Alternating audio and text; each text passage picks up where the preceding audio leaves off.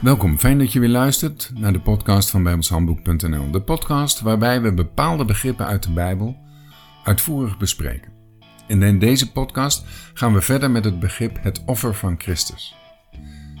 En ik begin met het lezen van Hebreeën 9, vers 13 en 14.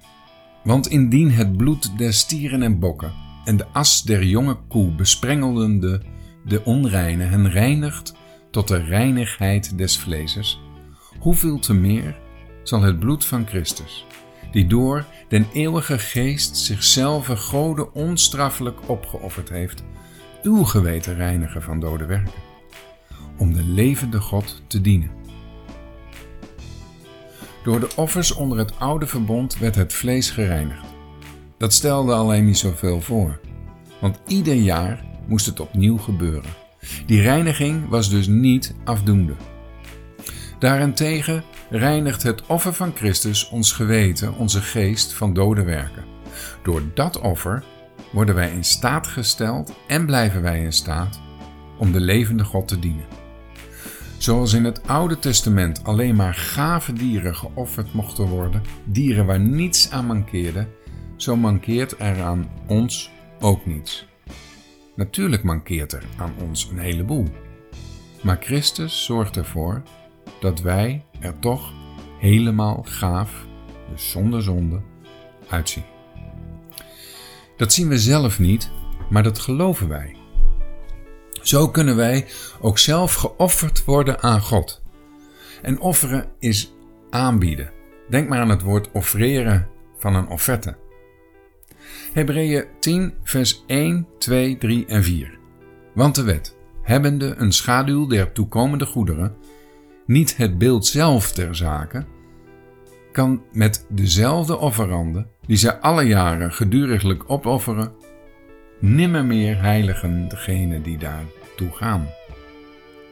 Anderzijds zouden zij opgehouden hebben geofferd te worden, omdat degene die den dienst pleegde geen geweten meer zouden hebben der zonde, eenmaal gereinigd geweest zijnde.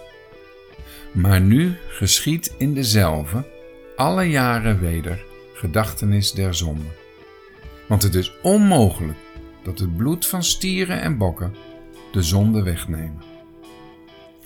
Al die wetten onder het oude verbond, ook de wetten over de offers, waren slechts een beeld van de dingen die onder het nieuwe verbond zouden gebeuren.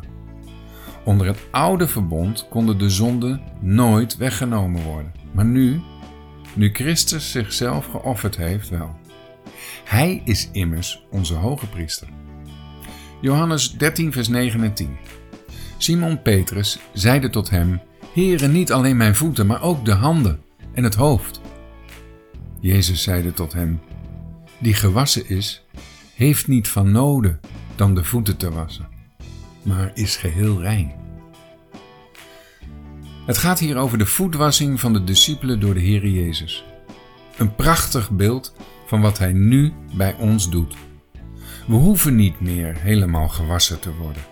Dat heeft de Heer Jezus gedaan door te sterven aan het kruis. Toen heeft Hij alle zonden weggewassen. Nu wast Hij alleen nog onze voeten. Dat wat ons nog met deze zondige aarde verbindt. Omdat wij nog in onze zondige lichaam leven, zondigen wij dus ook nog. Als daar niets aan gedaan zou worden, dan konden we ook niet de levende God dienen. Gelukkig heeft Hij zijn leven gesteld voor zijn schapen en zorgt ervoor dat wij steeds rein voor God kunnen staan. Voorwaarde is wel dat we dat geloven en daarop vertrouwen. Want anders blijven we in onze zonde. Geloven is hetzelfde als vertrouwen. Als Hij zegt dat wij gereinigd zijn, dan is dat zo. Punt uit. We hoeven dan ook niet voor vergeving van onze zonde te vragen. Maar we danken Hem dat Hij dat doet, steeds maar weer. Wij zijn altijd geheiligd.